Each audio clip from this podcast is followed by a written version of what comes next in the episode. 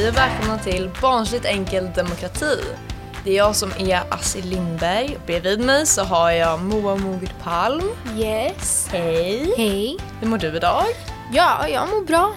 Lite mår tidig morgon. Ja, det idag är det tidigt faktiskt. Förra veckan så pratade vi om barns rättigheter i Sverige. Och idag så kommer vi ha lite samma sak, eller lite likt, utan vi ska prata om varför barn i Sverige ska ha rättigheter eller varför barn i Sverige faktiskt ska bry sig. Varför bry sig? Så jag tycker att vi börjar med att fråga dig Moa. Varför bryr du dig? Ja, så här innan avsnittet så vet jag inte riktigt. Jag tänker att jag ska få lära mig det under, eh, under tiden. Du ska vi får, inse varför du bryr dig nu. vi får se till eftersnacket. Jag tänker att jag bryr mig för att man ska bry sig. Eller jag vet inte, jag har alltid växt upp med att det är viktigt att bry sig. Och det är såklart att jag bryr mig om samhället och andra människor och, och mig själv, liksom mina rättigheter. Men vad är det Så. du bryr dig om då?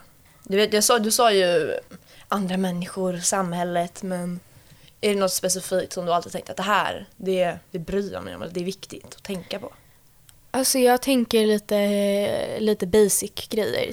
Typ så här jämlikhet, barns rättigheter, mänskliga rättigheter, alla, alla är lika värda och, och så vidare. Fred i världen. Men Det är ju verkligen så basic grejer som jag tror att jag hoppas att alla bryr sig om i alla fall, oavsett om man är som oss 17 eller om man är barn. Kanske inte ja, om man är ett litet barn eller om man är en gammal gubbe på ålderdomshemmet. Jag hoppas alla bryr sig om sånt. Vad bryr du dig om då? Varför bryr du dig? Bryr Varför dig? jag bryr dig? Ja, jag vet att jag bryr mig. Det gör jag. Varför? Att det är faktiskt svårt.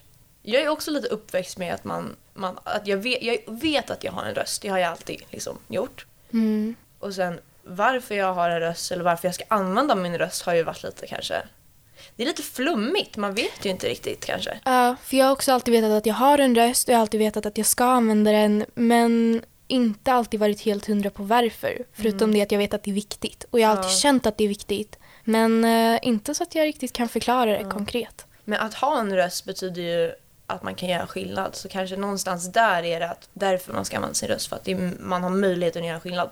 Och jag tror att man kan känna det mycket bättre om man har någon så här konkret stund där man verkligen känt att nu har jag använt min röst till någonting och jag, kan, jag har sett att det har blivit annorlunda. Vilket jag tror är väldigt svårt att göra om man är barn eller som oss tonåringar. Ja, men det får vi ju lära oss mer om i Precis. dagens avsnitt. För i dagens avsnitt så kommer vi prata om varför man bryr sig eller varför man ska bry sig och vår gäst idag kommer vara Daniel Castro. Hej Daniel, Hej Astrid! Vem är du? Jag heter Daniel Castro och jag är eh, förbundssekreterare för Unga Örnar. Vad betyder det att vara förbundssekreterare? Ja, det betyder en massa saker. Framför allt betyder det att jag är ansvarig för Unga Örnar i hela Sverige. Idag ska vi prata om varför man bryr sig, eller vad det är man bryr sig om. Så våran fråga till dig är helt enkelt, vad bryr du dig om? Jag bryr mig om eh, för, för mycket saker tror jag, men jag bryr mig framför allt om eh, ungas rättigheter i samhället och jämlikhetsfrågor. Vad är en ungdomsfråga för dig?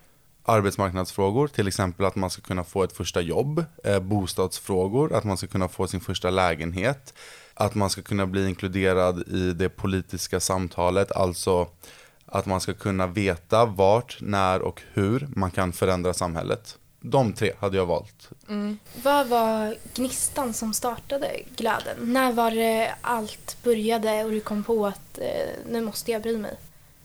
Var det någon specifik fråga eller specifik eh, stund? Jag kommer från en ganska politisk familj, politiska flyktingar från Chile och eh, då har vi alltid pratat om politik och att man måste tycka saker om man vill förändra saker i hemmet liksom. Eh, och jag skulle säga att min största förebild var nog min mormor som eh, fick gå igenom en hel del liksom för sin rätt att tycka saker. Där började det, men sen om jag ska ta från mitt egna perspektiv, liksom, att inte från hemmet. För det är lite min mormors perspektiv, även om det har betytt väldigt mycket för mig. Så då skulle jag väl ändå säga att jag är uppvuxen i en förort söder om Stockholm som heter Skärholmen. Eh, som jag älskar, eh, men som har liksom fått utstå ganska mycket eh, ja, skit på senaste tiden.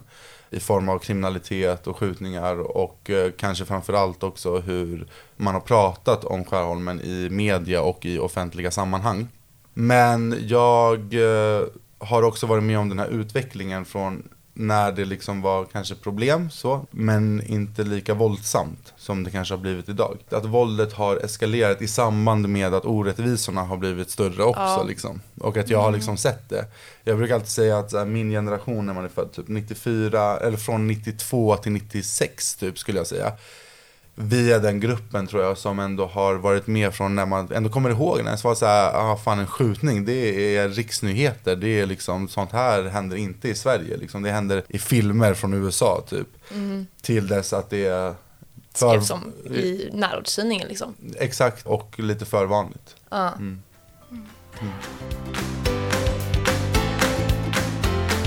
Men du har ju de här sakfrågorna ska säga, som Mm. du brinner för. Varför tror du att du brinner för dem? Vad är, det, vad, är liksom, vad är målet med att kunna brinna för någonting?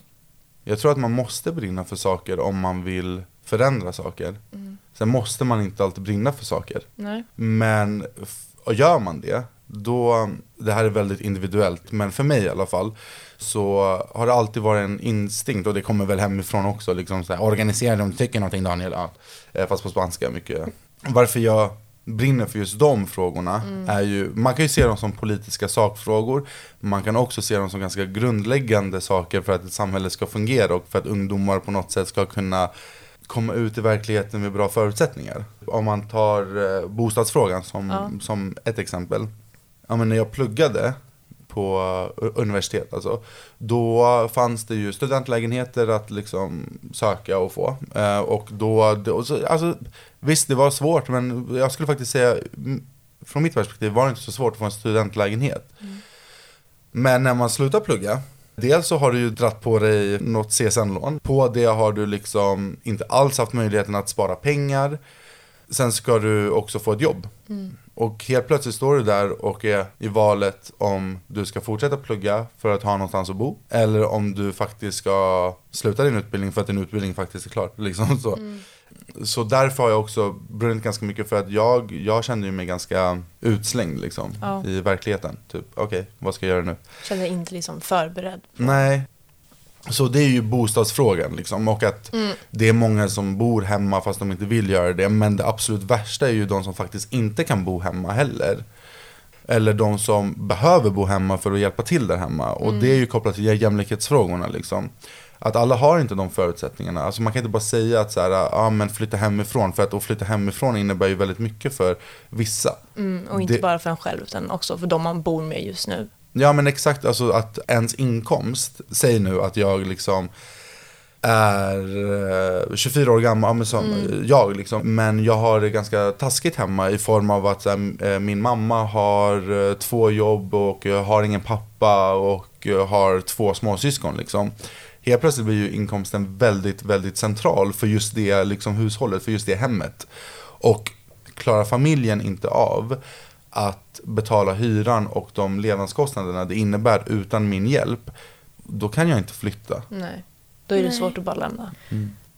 Ja, för då har du ju ändå på något sätt ansvar för småsyskonen och, Mamma och mamman. Det blir ett indirekt ansvar, Ja, absolut. precis. Precis. det, det blir som att man blir låst i de strukturer Mm. som... Ja. För jag tror att det är många som bor hemma. Har du inte ett jobb, då blir du ju en belastning för familjen. Eller om man ska snacka klarspråk så blir du en kostnad. Ja. istället för ett barn. Och eh, det är ganska skrämmande liksom att så här, att du blir ju en utgift. ja. Nu tror och vet jag att de flesta föräldrarna ser inte Ja. sina barn som kostnader. Men om man ska prata rent ekonomiskt så är det det det innebär. Det är ju det som också gör att många ungdomar inte har möjligheten att gå och plugga. För du har inte råd att dra på dig ett lån. Nej.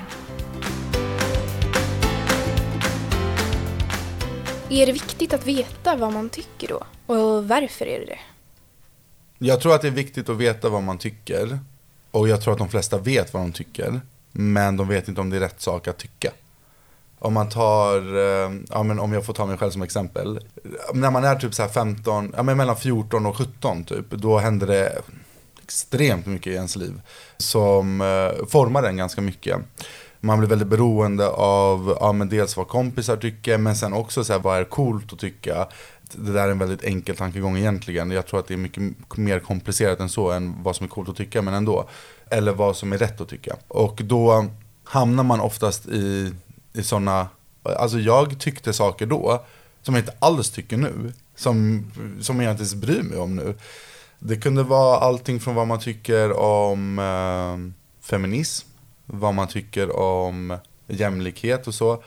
Eh, jag kan ju vara ärlig med att säga att när jag växte upp väldigt så eh, grabbgäng liksom och då var det väldigt svårt att vara ärlig med att man kanske tycker att feminism är en jävligt god grej liksom. För att det förknippades med liksom att man inte får typ ha sex med tjejer eller att det är liksom två motpoler mm.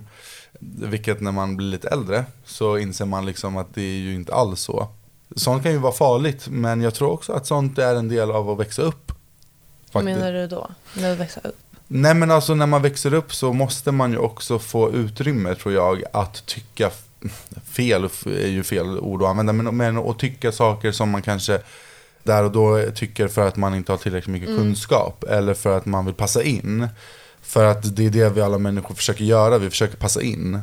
Eh, vi försöker ha ett sammanhang. Det är ju därför folk går med i organisationer, därför man går med i de flesta grejerna. För att man tycker saker och vill ha folk som kanske, ja. Efter att man har varit den här kanske lite osäkra barnet och man har blivit äldre. Som, är det lätt att säga vad man tycker nu? Eller är det lätt för dig att säga vad du tycker nu? För mig? Mm. Absolut. För mig är det lätt att tycka saker nu mm. och stå på mig och uh, tycka att jag tycker rätt saker. Men det är också för att jag har varit eh, mellan 14 och 17 har haft den perioden där jag har brottats ganska mycket, eller där jag brottades med ska jag väl snarare säga, med att tycka saker som andra tyckte och vad jag trodde att andra ville att jag skulle tycka. Så jag tror att det, är så här, det, det där är en jätteviktig period för ens utveckling. Liksom.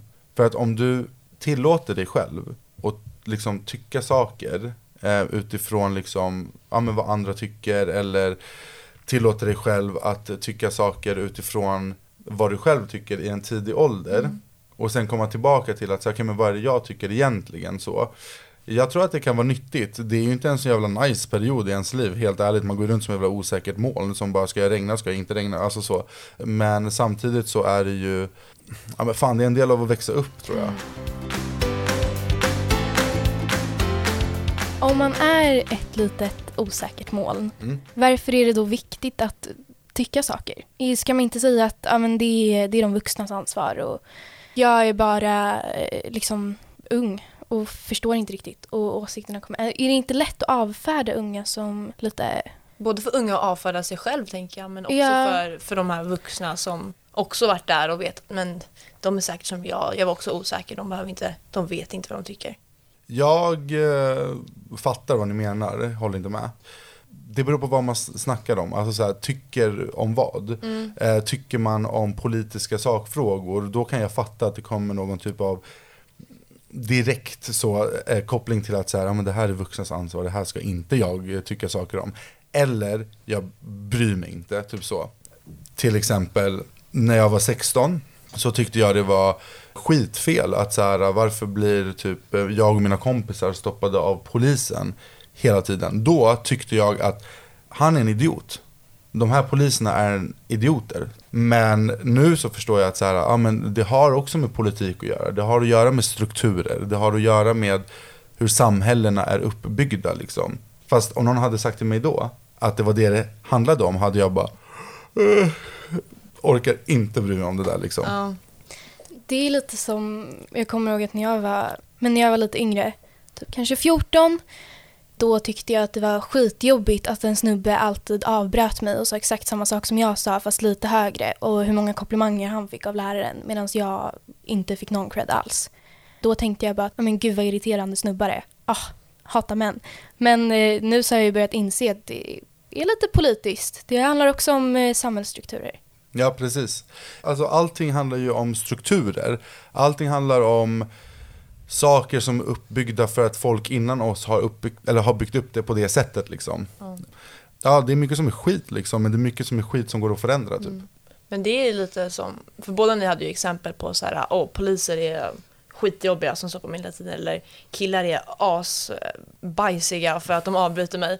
Det börjar ju någonstans med att man är lite ung och man kanske inte förstår och man tycker bara att men det här var jobbigt till att man blir äldre och på något sätt utvecklar sin åsikt eller utvecklar det man tycker till en faktisk politisk Mm. sakfråga eller en, en fråga liksom överlag som andra kan ta en större del utav. Men även om du då kanske främst tänkte att eh, poliser är idioter, var inte det också en politisk åsikt? Även om den inte var lika genomtänkt som det är samhällsstrukturer så är det ju fortfarande en tanke att man blir orättvist behandlad av polisen och att poliser är dåliga är väl ändå i grunden också en viktig politisk åsikt. Mm, absolut, och jag tror att eh, det vi pratade om innan, liksom om att jag har vuxit upp och att så här, nu förstår jag att det är politiska frågor, men jag önskar ju någonstans att där och då var det någon som så här, fångade upp mig och sa det här är politik Daniel, det här är saker du ska tycka, det här är saker som är viktiga att lyfta upp. Och det var det ingen som gjorde, det är ju det som är grejen. Om du tycker saker så är det ju såklart skäl att eh, försöka få världen att se ut så som du tycker. Sen lever vi i en demokrati. Och du kommer märka att folk kommer inte tycka samma sak som du.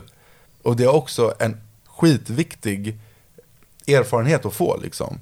Att träffa folk som så här, ah, men inte tycker som du och inte har varit med om samma sak som du. Så.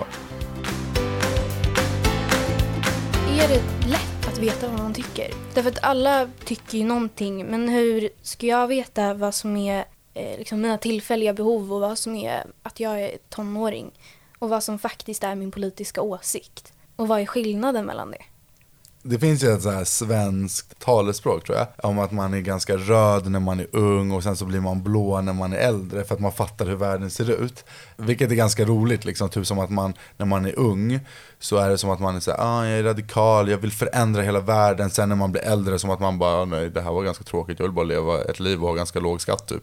Det där är inte alls sant liksom. Och därför tror jag att det är viktigt att så här, man kan kanalisera sin Eh, Alltså att man kan hitta ett ställe där man får liksom utrymme för sina åsikter ganska tidigt. Eftersom då får du ju också utveckla dina tankar och idéer och då är det också enklare att faktiskt, ah, okej men det här tycker jag faktiskt. Eftersom att man får liksom ett sammanhang, man får träffa andra ungdomar som tycker saker också. Det kan vara allting från liksom politik till demokrati och så. Det är inte lätt att veta vad man tycker. Vem tror du det var som skulle gått fram till den där unga Daniel som sa polisen suger? Vem skulle vara den här personen som kom fram till dig och sa det här är en politisk åsikt som du kan bygga upp mycket mer? Ja, och är det ungdomar och barns ansvar att själva ta reda på vad deras politiska åsikter är? Eller det är såklart att de ska ha ansvar att ha en egen åsikt, men är det Är det deras, deras ansvar att bygga på ansvar den? att ta reda på vad som är en politisk åsikt eller är det vuxnas ansvar att eh, utbilda kring dels hur man använder sina åsikter, hur man kan uttrycka dem och hur man kan påverka? Jag tror att det eh, inte alls är unga och barns ansvar att ha, veta vad och när och hur man ska göra. Hade en lärare sagt till mig, det går att engagera sig. Alltså snälla, jag var fett jobbig som liten. Någon måste ha märkt att jag tycker saker, liksom, för att jag tyckte saker om allt. Hade någon sagt att så här, du kan engagera dig, du kan eh, vara med i de här föreningarna, eller du kan vara med i de här politiska ungdomsförbunden, eller du kan göra det här. Där då kanske jag hade gjort det, men det var ingen som sa det. Och även om jag kommer från en politisk bakgrund så kanske jag ändå senare sökte mig ändå till politik. För det var ju det som hände, jag sökte mig till liksom det. Men det fanns inte närvarande. Nej. Och där blir det också viktigt, så här, hur skapar vi förutsättningar för föreningar och demokratiska organisationer att finnas i områden där det finns mycket barn och unga. Liksom. Skärholmen, ta Skärholmen som, som ett exempel, det är en av de yngsta stadsdelarna i Stockholm. Liksom. Och den minsta satsdelen. Där borde det såklart finnas anledning till att satsa på sånt här. Men sen så tror jag också att det finns ett problem med det också. Och det är när man gör sådana här riktade insatser. Jag vet inte om ni vet vad ytterstadssatsningen är. Men det var en satsning man gjorde på att så här, nu ska vi liksom satsa på förorterna. Sådana där satsningar kommer någon gång per tio år eller något sånt där. Och det, det brukar sällan ge effekt på lång sikt. Kan ge ganska bra effekter på kort sikt, men på lång sikt så ger inte det effekt. Min åsikt är ju att föreningslivet, alltså föreningar och organisationer, det måste vara fasta poster så i alla politiska beslut. Det är, alltså man måste, måste, måste ta hänsyn till det. För att unga ska kunna få ett tillfälle att eh, kanalisera sina åsikter eller veta vart det jag tycker, vart kan jag använda det?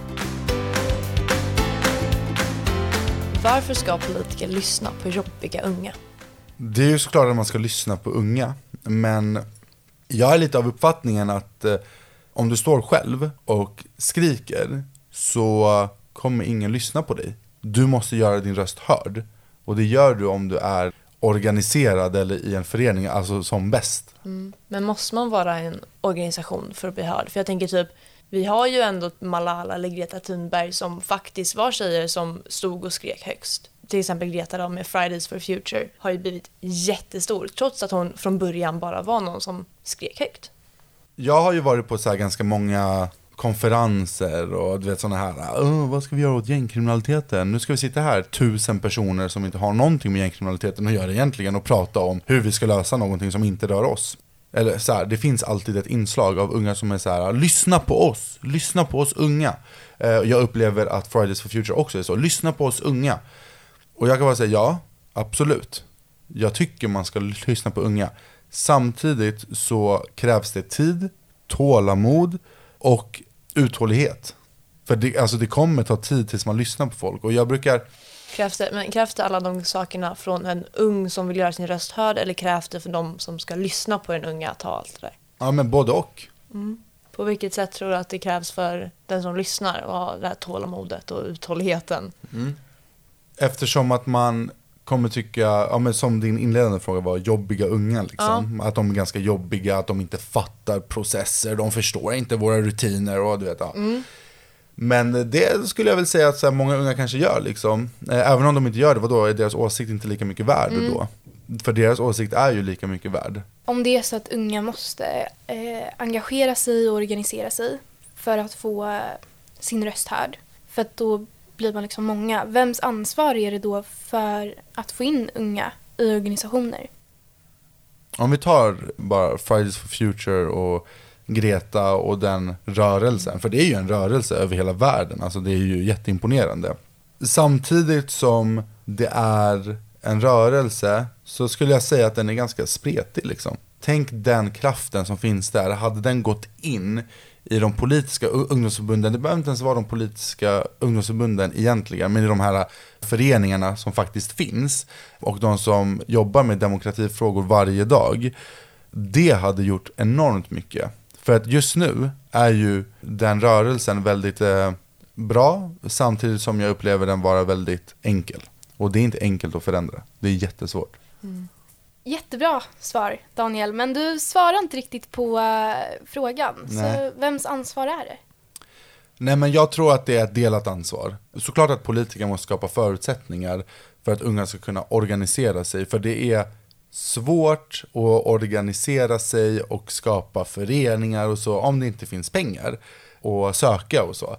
Så där kan ju politiker absolut skjuta till mer pengar. Men sen så tror jag också att man måste inse i ett tidigt stadie tror jag. Och det är väl det jag försöker bidra med här lite. Men alltså det tar tid, tålamod och uppoffringar om man vill förändra på riktigt.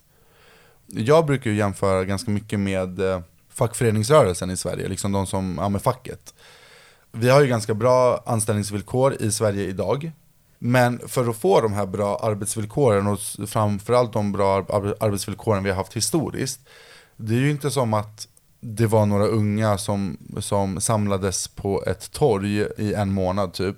Och bara, ah, vi vill ha bättre förutsättningar, bättre anställningsvillkor och att arbetsgivare var där och bara Oj, nej, nej men alltså det här, eh, det här låter ju inte bra. Nej men eh, Britt och Svante eller vad det nu heter liksom vill ha bättre anställningsvillkor, då måste vi ju fixa det. Absolut. Nej, alltså, nej men, nej, men alltså där var det liksom så här uthållighet, tålamod, alltså flera år. Blod, svett och tårar. Ja men blod, svett och tårar på riktigt liksom. Alltså folk har ju faktiskt dött för åtta timmars arbetsdag i Sverige liksom.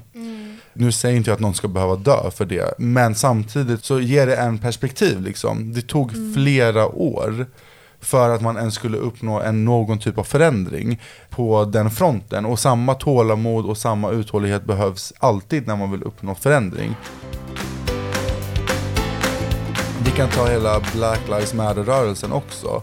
Får de inte en politiker att lyssna, då händer det väldigt lite. Ja. Det har vi väl också märkt nu, liksom, att USA har inte rört sig så långt ifrån de här strukturerna som man kanske har trott. Och då behöver man få någon som lyssnar, och det tar uppenbarligen extremt lång tid. Är man inte uthållig, är man inte konsekvent, då blir det svårt också. För då blir det som att säga, ah, men det här trendade just nu, men just nu trendar det Ja. inte så mycket för mig. Och då, hejdå, och då blir det ingen förändring. Jag tycker också att eh, Black Lives Matter-rörelsen är ett väldigt tydligt exempel på hur eh, politiker kommer inte göra någonting bara för att de hör någon säga det. Liksom. Därför att de kommer ändå göra det som är bäst för sig själva egentligen. Eh, de flesta, eller politiker på Precis. framförallt högersidan. I min åsikt, de kommer ju göra det som de tycker är rätt. Mm. Så enda sättet som man får förändring, alltså som till exempel i, eh, i Sverige när det kom till att ta bort eh, sjukdomsstämpeln från eh, homosexualitet. Det var ju inte så att man bara sa nej jag tycker det här är fel och sen så var de så här aha okej utan man Folk ringde ju hem sjuka och var så här, ah, nej jag känner mig lite homosexuell och då Mm. tvingades ju de ta bort den sjukdomsstämpeln för då var det så här, ah, men vi kan inte ha så att folk får stanna hemma för att de är gay. Det funkar Nej, exakt. Alltså det är att man måste faktiskt tvinga på förändring. Och om jag ska ge en kort uppmaning till det här, liksom så här, till unga är in i politiken, in i de här organisationerna, samla massorna, men samla dem på papper. Ja. Fattar ni vad jag menar? Att så här, vi behöver få folk på papper. För att när du går till en politiker kan du inte bara säga Ja men jag har flera miljoner bakom mig. Man bara, ja jag har sett de här demonstrationerna men tycker verkligen alla de människorna som dig? Alltså du vet, de kommer ju börja ställa de här tekniska frågorna som är ganska jobbiga och man bara, men du vet vad jag menar. Men de bara, ja men det finns ju inte. Fixa dem på papper, fixa en, eh, och, och på papper menar jag i en org, or- organisation. Liksom. För så fort du kommer från en organisation, då kommer ju folk säga så här, då kommer politiker framför, framförallt tänka, de vet ju vad det är för organisation, de vet vad de tycker och de här personerna har ställt sig bakom att faktiskt vara medlemmar här. Men det är där jag tycker att det faktiskt är på något sätt skolans eller vu- vuxna i allmänhets ansvar att se till att barn och ungdomar, barn och ungdomar som vill göra, skill- göra skillnad har möjlighet till att hitta de här organisationerna eller ska ens veta att de finns. För det är ju inte alla som gör. För att alla vi som sitter här nu är ju på något sätt uppväxta i en sorts politisk rörelsefamilj som vet att organisationer finns, som vet att partier finns och vad de kan göra. Men det är ju inte alla som vet. Det är därför jag tycker att politiska ungdomsförbund och de demokratiska organisationerna som finns i Sverige ska ta sig in i skolor. Det är helt sjukt att de inte kan göra det. Det är ju en demokratisk rättighet som fråntas unga. För det är ju skolan man spenderar mest tid och kunna få vetskapen om att det här finns. Mm. Jag tänker också det är ju de i skolan som är med i ungdom, ungdomsförbunden. Ja, Förstår du vad jag menar? Att det är ja, ändå precis. folk från skolan som kommer till skolan. Ja, det ska ju inte vara så att när du har gått ut gymnasiet, ja då vet jag att det finns ett politiskt ungdomsförbund. Nej, men vad är det här för värde? Kan, kan vara med här i typ två, tre år. Och hela den här diskussionen kopplat till att så här, ja, men ska SD tillåtas vara i skolan? Men låt dem komma in i skolan. Låt dem ta debatten mot elever. Låt folk, alltså om vi nu lever i en demokrati liksom, då måste man liksom fullgöra den demokratin för alla. Måste alla engagera sig? Ska det vara ett krav som sätts på folk? Absolut inte. Tycker jag inte alls. Vi tar eh, som vi tog innan, Black Lives Matter. I förrgår så träffade jag ett par unga i Rinkeby-Kista som jag har jobbat med under sommaren. Och de, vi hade en jättespännande diskussion kopplat till det här med Black Lives Matter och att vissa var så här, men man måste göra någonting, du måste tycka saker, det räcker inte med att bara dela en bild på Instagram som är svart. Och att en annan tjej var så ja ah, men jag håller faktiskt med, som att det är en trendig grej. Och där kan jag vara så här för att kritisera mig själv lite från vad jag sa sist. Just när det kommer till Black Lives Matter så var jag så här, men är inte det en jävligt bra grej? att Det är det som trendar, är att liksom allas liv är lika mycket värda. Ja, Alltså Det är ju- det är väl också ett ställningstagande man gör. Man kanske inte orkar organisera sig, man kanske inte orkar gå på demonstrationerna. Men jag kan lägga upp en svart bild för jag tycker det här är viktigt liksom. men jag tänker också att det känns lite sjukt att det bara ska trenda. Att alla, allas liv har lika mycket värde. Men att folk inte har orken att faktiskt göra något åt det. Mm. Ja. För jag känner ändå att när man lever i, i en demokrati så har vi ju massa demokratiska rättigheter men jag tycker ändå att vi har demokratiska skyldigheter också. Sen betyder ju inte det att alla måste gå och bli politiker, det tycker jag verkligen inte. Men att alla ändå, ja men till exempel röstar. Eller åtminstone tar reda på saker om politiska partier. Sen så måste man ju inte göra det som barn, men åtminstone någon gång. Så att man vet vad man tycker. Klockan börjar faktiskt ticka här och vi behöver börja runda av. Det har varit jättekul att du var- ville ha varit här Mm. Det var Daniel. jättekul att vara här och prata i en mick med er. Men har du något eh, sista du skulle vilja säga i den här fina micken? Ja, vi har ju pratat om att organisera sig, förändra och så. Jag fattar att det kan vara svårt, det är en djungel. Men om man tar reda på vad man vill förändra och sen hittar du vem som vill förändra det med dig, då blir det mycket enklare. Då blir det enklare. Tack så jättemycket Daniel. Det har Tack varit så mycket. superkul. Tack själv. Tack. Varsågod. Ha det bra. Massigt snack. Ja. Vad, hur känner du? Ja, verkligen. Alltså jag är helt överväldigad. I början av avsnittet sa ju vi att förhoppningsvis så lär vi oss lite om varför vi bryr oss i och med det här avsnittet. Känner du att du har gjort det? Ändå delvis. Jag tycker att det fortfarande är en väldigt svår fråga om varför man bryr sig. Därför att det är både så personligt men också väldigt mänskligt. Så alla bryr sig ju egentligen om någonting men bara det att förstå att det mesta man bryr sig om är också politiskt. Jag tror att det är det. Sen Att mycket här- att det jag bryr mig om betyder ju inte alltid att alla andra bryr sig om samma sak. För det är ju någonting som jag inte insåg förrän jag var ändå rätt gammal, kanske typ 14 år. Det var typ då jag insåg att oj, alla tänker inte exakt som jag i alla frågor. Ja, för det finns ju saker som känns så självklara. Speciellt när man har blivit uppfostrad som vi två ändå Mm. har blivit. Med väldigt politiska föräldrar och mycket snack Mm. om demokrati och jämlikhet. Att för oss, eller för mig i alla fall, känns det ibland eh, självklart. Ja, Det, att jag både det att, har jag faktiskt ett väldigt bra exempel på. Båda jag och Moa har flera år varit på eh, Almedalsveckan med våra föräldrar för de är politiskt engagerade. på- och Almedalsveckan på, är då en Politikerveckan Precis. i Visby på i- Gotland. Och då var det något år som jag var där. Vi hade hyrt en lägenhet som låg ganska nära Söderporten eller Södertorg.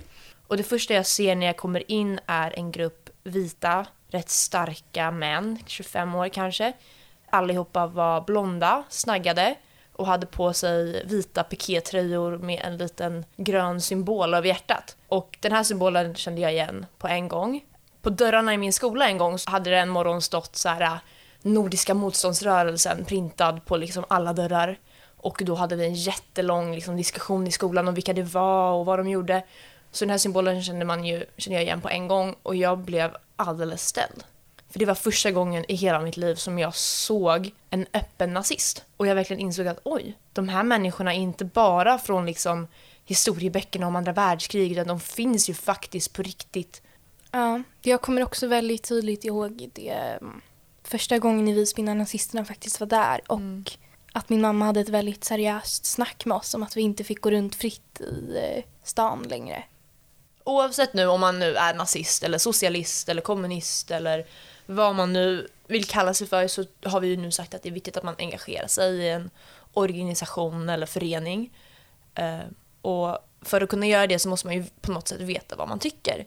Så Moa, har du kommit fram till någonting som du tycker? Ja, ja, ja. Ehm, och under avsnittet så blev det ju mycket tydligare att ehm, jag vet vad jag tycker. Och jag har ändå ehm, haft det väldigt självklart att jag ska ha en röst sen jag var väldigt liten. Men jag kom på ett väldigt tydligt exempel. Jag är ju med i eh, Socialdemokraternas ungdomsförbund, SSU. När jag var ganska ny så hade vi en väldigt konkret kampanj. Och då hade vi det om eh, avgiftsfri kollektivtrafik. Och det vi gjorde då var att vi tog fram all fakta som behövdes. Så till exempel, vad behöver man för att se till så att eh, kollektivtrafiken i Stockholm kan vara avgiftsfri? Hur mycket kommer det kosta? Hur finansierar man det? Vart kommer pengarna ifrån? Vilka är det som är experter inom det här ämnet? Vad tycker de som tycker att det är viktigt att det ska kosta pengar? Vilka är det som har gjort så att priset höjs? Och Ja, lite sådana allmänna saker så att, man, så att man har argumenten, har motargumenten. Man kan affischera, man kan ha torgprat. Och bara det här med att man är engagerad i en förening. Det måste inte vara ett eh, politiskt ungdomsförbund. Men att man är engagerad i en förening där man hittar andra som har samma åsikt eller andra åsikter men som vill hjälpas åt att lyfta varandras åsikter där man kan se till att göra skillnad och uppmärksamma problem i samhället. Mm. Och här har vi ju då ett praktexemplar, du Moa, som faktiskt gjorde så som, som Daniel sa. Du kom på något som du tyckte. Du sökte dig till en organisation eller ett, eh, ja, ett ungdomsförbund som tyckte samma sak. Och du agerade för att göra skillnad. Du engagerade dig och kom i alla fall på en väg till det du vill förändra. Ja, eh, jag gjorde mitt bästa. Jag kampanjade i alla fall och det tänker jag är det viktiga. Eller det viktiga är ju resultat också men jag tycker att det är en viktig del bara att man, eh, Att man försöker. att man utnyttjar demokratin. Mm. Riktigt Utnyttja systemet liksom. Precis. Vi har ju ändå en demokrati av en anledning. Ja. Jag tänker också att alla ungas engagemang inte alltid bygger på eh, de största samhällsförändrande frågorna. Utan det kan vara små saker i skolan till exempel. En miljö som vi alla är i och som vi alla har åsikter kring. På min förra skola till exempel så var det en väldigt stor debatt om att vi ville ha duschdraperier och bås att byta om i, i eh, omklädningsrummen vid idrotten. Men vi fick såklart, som vanligt när man har åsikter kring skolan, bara höra att eh, det finns inte rum för det i budgeten. Skolan har inga pengar. Och eh, det är såklart att vi förstår att eh, de flesta skolor har inte jättemycket pengar. Budgeten är lite snål, men det att vi elever inte har någon aning om vart de pengarna vi har går någonstans. Det är såklart att vi förstår att de måste gå någonstans, men vi har inte fått den informationen. Och alltså har vi inte fått chans att påverka hur vi vill att vår skola ska se ut och vad vi vill lägga pengarna på. Man får inte möjlighet att själv prioritera vad det är man tycker är viktigast med sin skolgång. Ja, och det känns ibland som att det är som att de vuxna tror att eh, barnen bara vill köpa godis för pengarna. Fastän vi, för, alltså det här är ju vår utbildning. De Jag flesta unga känner väldigt starkt kring det och har ändå smarta saker att säga Ja, om som det här med draperierna eller båsen. Det var ju ändå ett sätt för eleverna att främja trygghet på skolan. Och att man ska kunna vara bekväm med att duscha efter idrotten liksom. Ja, och hur många är det inte i högstadiet som skippar att duscha efter idrotten? Jag duschade aldrig i Inte jag högstadiet. heller. Varenda kotte. Men Moa, nu har vi snackat om varför man ska bry sig, måste man bry sig och vad ska man bry sig om? Och jag måste ju säga att det må ha varit rätt mastigt men jag känner att jag har fått ut rätt mycket av samtalet på, på flera håll ändå. Ja, det känner absolut jag med. Tiden tickar ännu en gång och det är dags för oss att faktiskt avsluta. Så vi ses i nästa avsnitt. Ha det så bra. Glöm inte att om du vill engagera dig så kan du gå in på demokratiklubb.se och hitta mer information där.